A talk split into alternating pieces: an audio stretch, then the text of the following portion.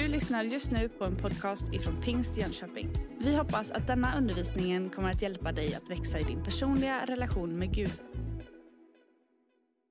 Jesus, vi längtar efter att bli berörda utav dig och vi ber att när vi nu läser ur ditt ord att du skulle vidröra oss, för det förändrar allting. Välkommen helige Ande till den här platsen.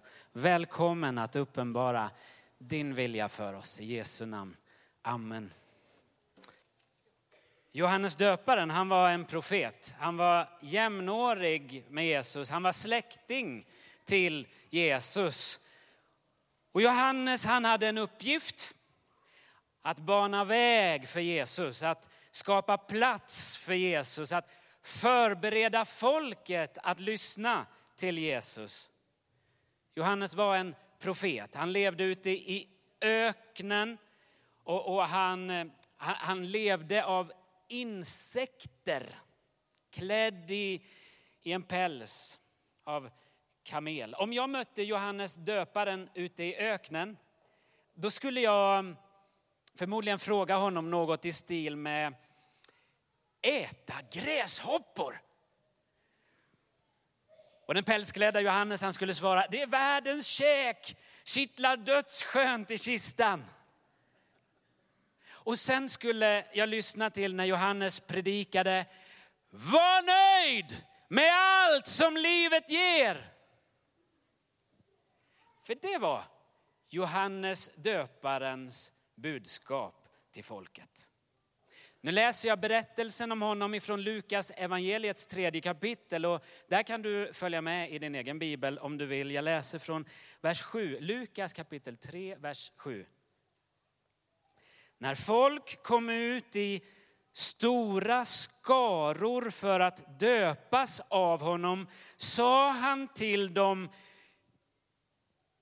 hur är ett bra sätt att, att börja ett, ett tal när, när tusentals människor lyssnar? Hur, hur skulle du inleda ett tal när stora skaror kom ut till dig?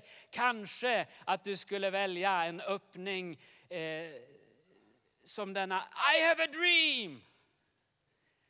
Eller kanske kära örebroare. Eller, eller åtminstone så roligt att se så många här idag.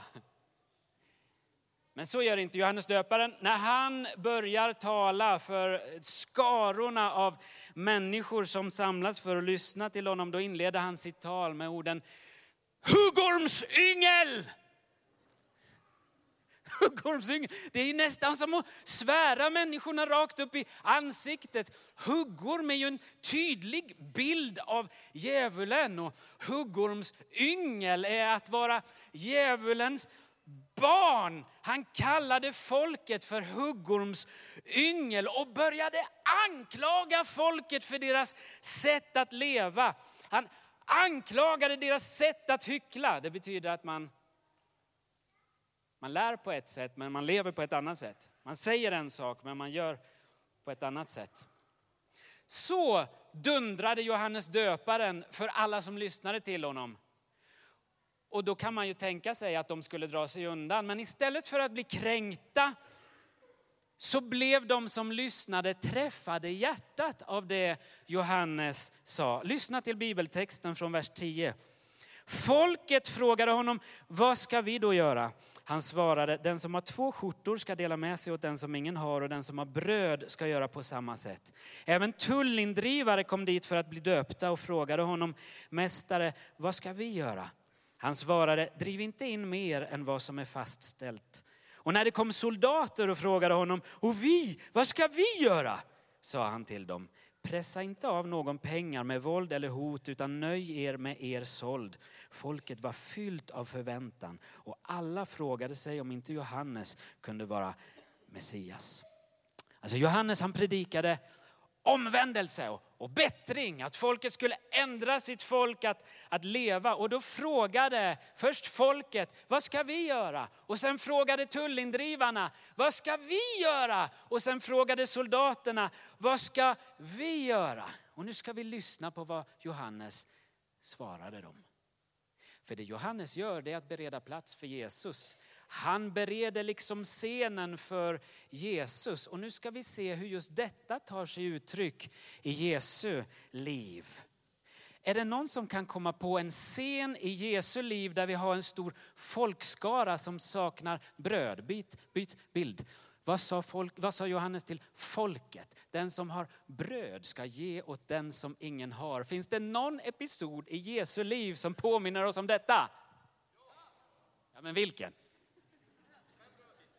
Ja, fem bröd och två fiskar. Fem tusen män plus kvinnor och barn är samlade för att lyssna till Jesus vid ett tillfälle. Magarna börjar knorra mot slutet av dagen. De är hungriga och lärjungarna undrar var ska vi få mat att, att ge åt alla de här människorna. Vem är det som då kommer fram till Jesus? Nämligen en, en liten pojke och vad är det han har med sig? Och vad är det han gör med de fem bröden och två fiskarna? Han ger dem till Jesus. Och vad gör Jesus med bröden och fiskarna? Han ber för det och välsignar det. Och vad händer sen med fem bröd och två fiskar? Det räcker till alla! Ja. Den lilla pojken, han, han gav bröd till den som ingen har, inget hade. Och det är ett stort mirakel som sker den här dagen. Ofta så tänker vi på att detta är en, väl, det är en fantastisk berättelse om hur Jesus kan göra mycket av lite. Men vi vet faktiskt inte exakt hur miraklet går till den här dagen. Kanske är det så att när de 5000 vuxna männen ser vad den lilla pojken gör med sin oansenliga matsäck så kanske det är fler som börjar plocka fram det som de egentligen hade men inte ville visa för någon annan för de var rädda att det inte skulle räcka. Kanske är det ett mirakel som sker bland folket den här dagen där, där folket plötsligt öppnar sina hjärtan och börjar dela med sig. Lyssna, du ska få öva på detta idag. När vi om en stund träffas på julmarknaden här ute så finns det massa godsaker som du ska få alldeles gratis. Och vid ett av marknadsstånden så kan du få en godisklubba. Men du får inte bara en godisklubba utan du kommer få två godisklubbor vid det marknadsståndet. En får du behålla själv. Och vad är det Bibeln säger? Den som har två hjärtklubbor ska ge åt den som ingen har.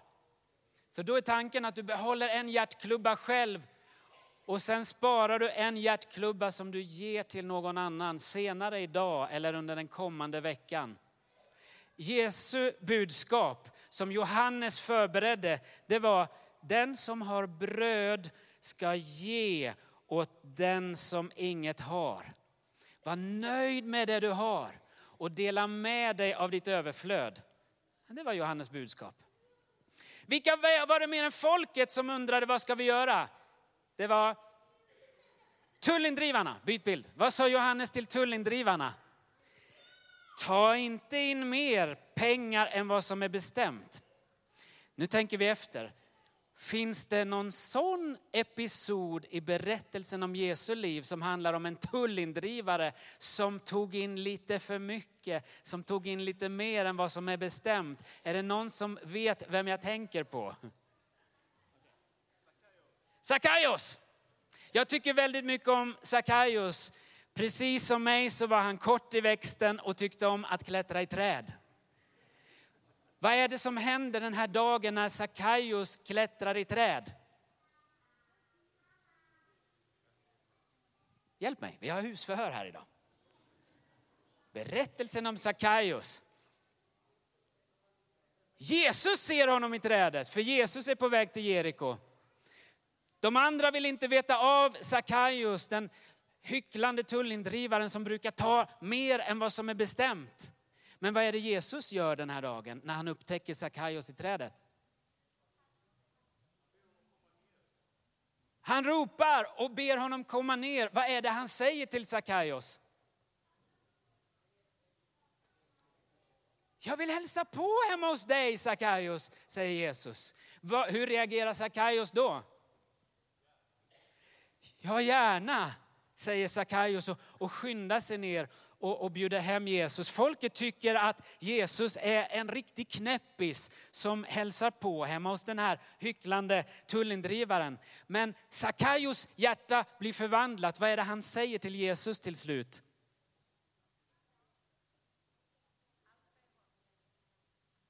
hälften av vad jag äger ska jag ge eh, åt den som ingen har. Och, har jag tagit för mycket åt någon så ska jag ge fyrdubbelt igen.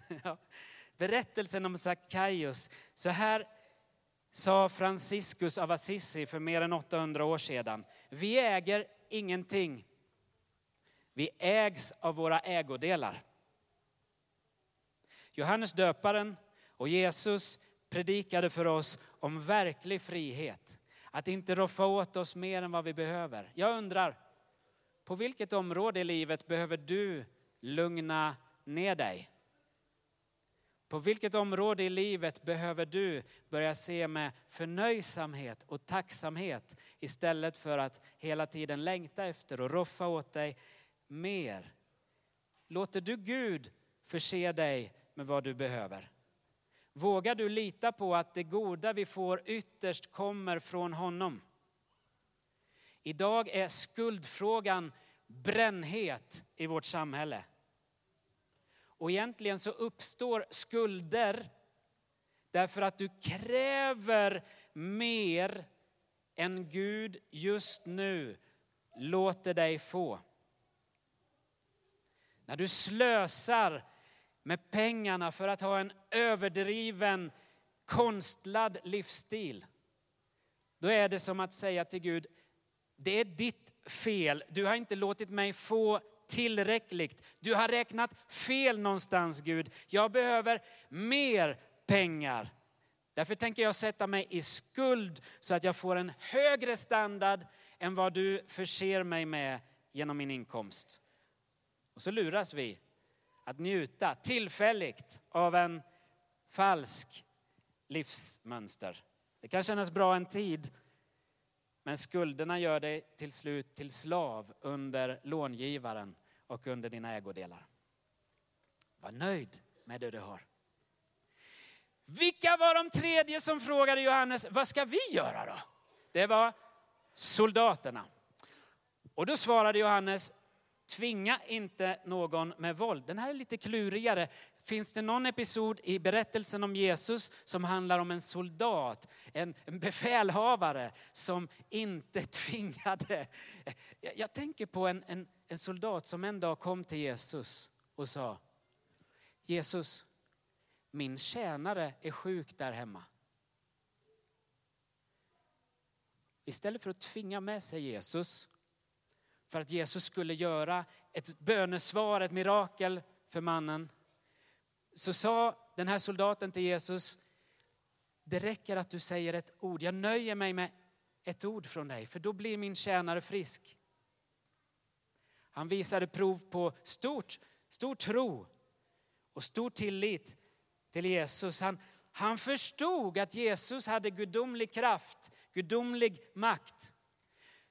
Soldaten kunde ha arbetat hårt för att liksom blidka denna gudomliga kraft. Han kunde kanske tänt rökelse, upprepat ett mantra, kanske ordnat en 40 minuters lovsångssession eller byggt ett, en katedral eller ett tempel och, och, och, och för att liksom göra det mer intressant för Jesus att, att komma hem till honom och uppmärksamma honom.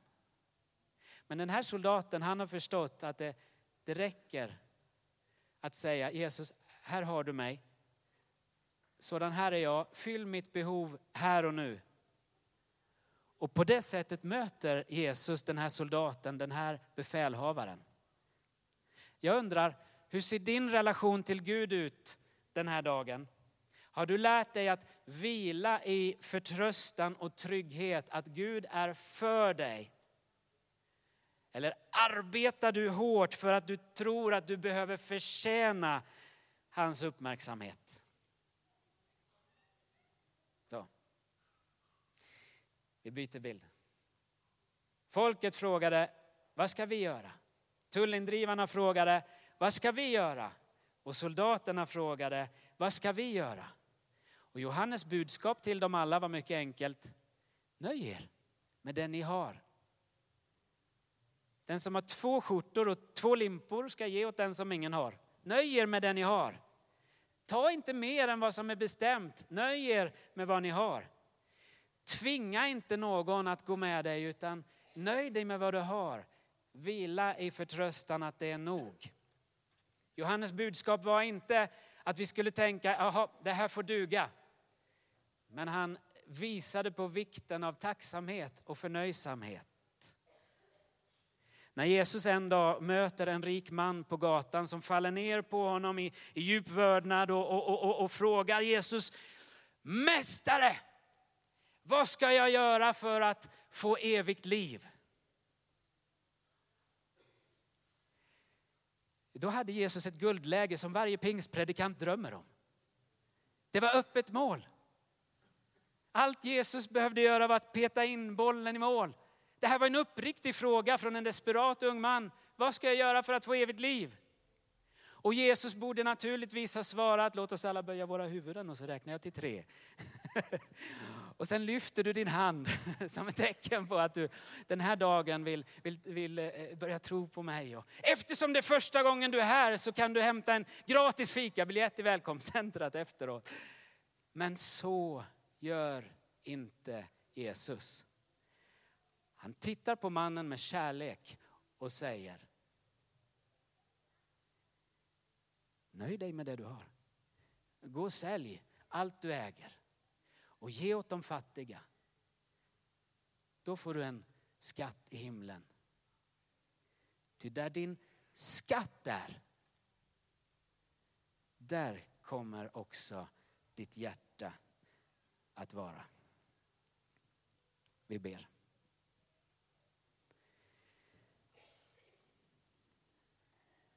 Helige Ande, hjälp oss att bereda plats för Jesus i våra liv.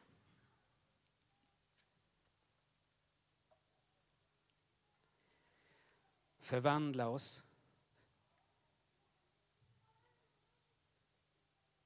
Förvandla oss så att vi med tacksamhet och förnöjsamhet kan njuta av det goda du har gett oss i vårt liv. Och förvandla oss så att vi med ett villigt hjärta delar med oss åt den som saknar bröd. Förvandla oss så att vi förstår att vi är inbjudna till en vila hos dig. Att det räcker med att höra ett ord från dig. Gör vårt hjärta så öppet och så stilla att vi förstår att ett ord från dig stillar stormen och mättar oss. I Jesu namn. Amen.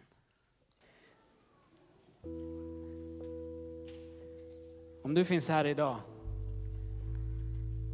som är träffad i hjärtat och undrar, och jag, vad ska jag göra?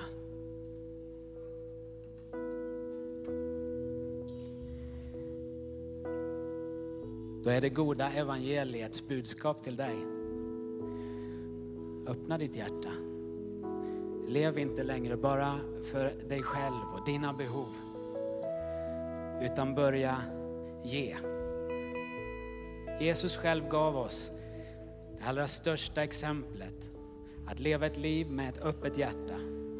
Bibeln talar om för oss att Gud älskade världen så att han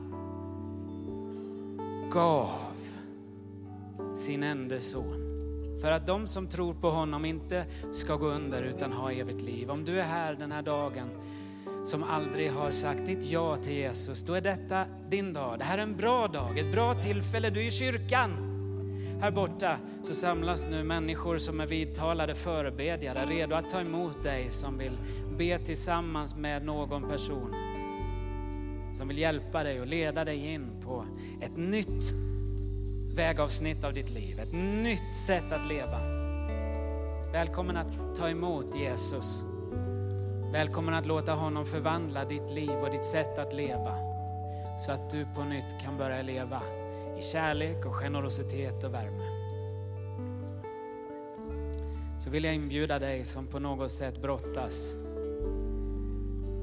med tanken på att vara otillräcklig, att inte vara nog.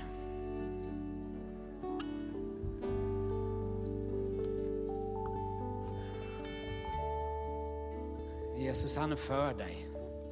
Han är med dig. Och idag säger han ett ord till dig.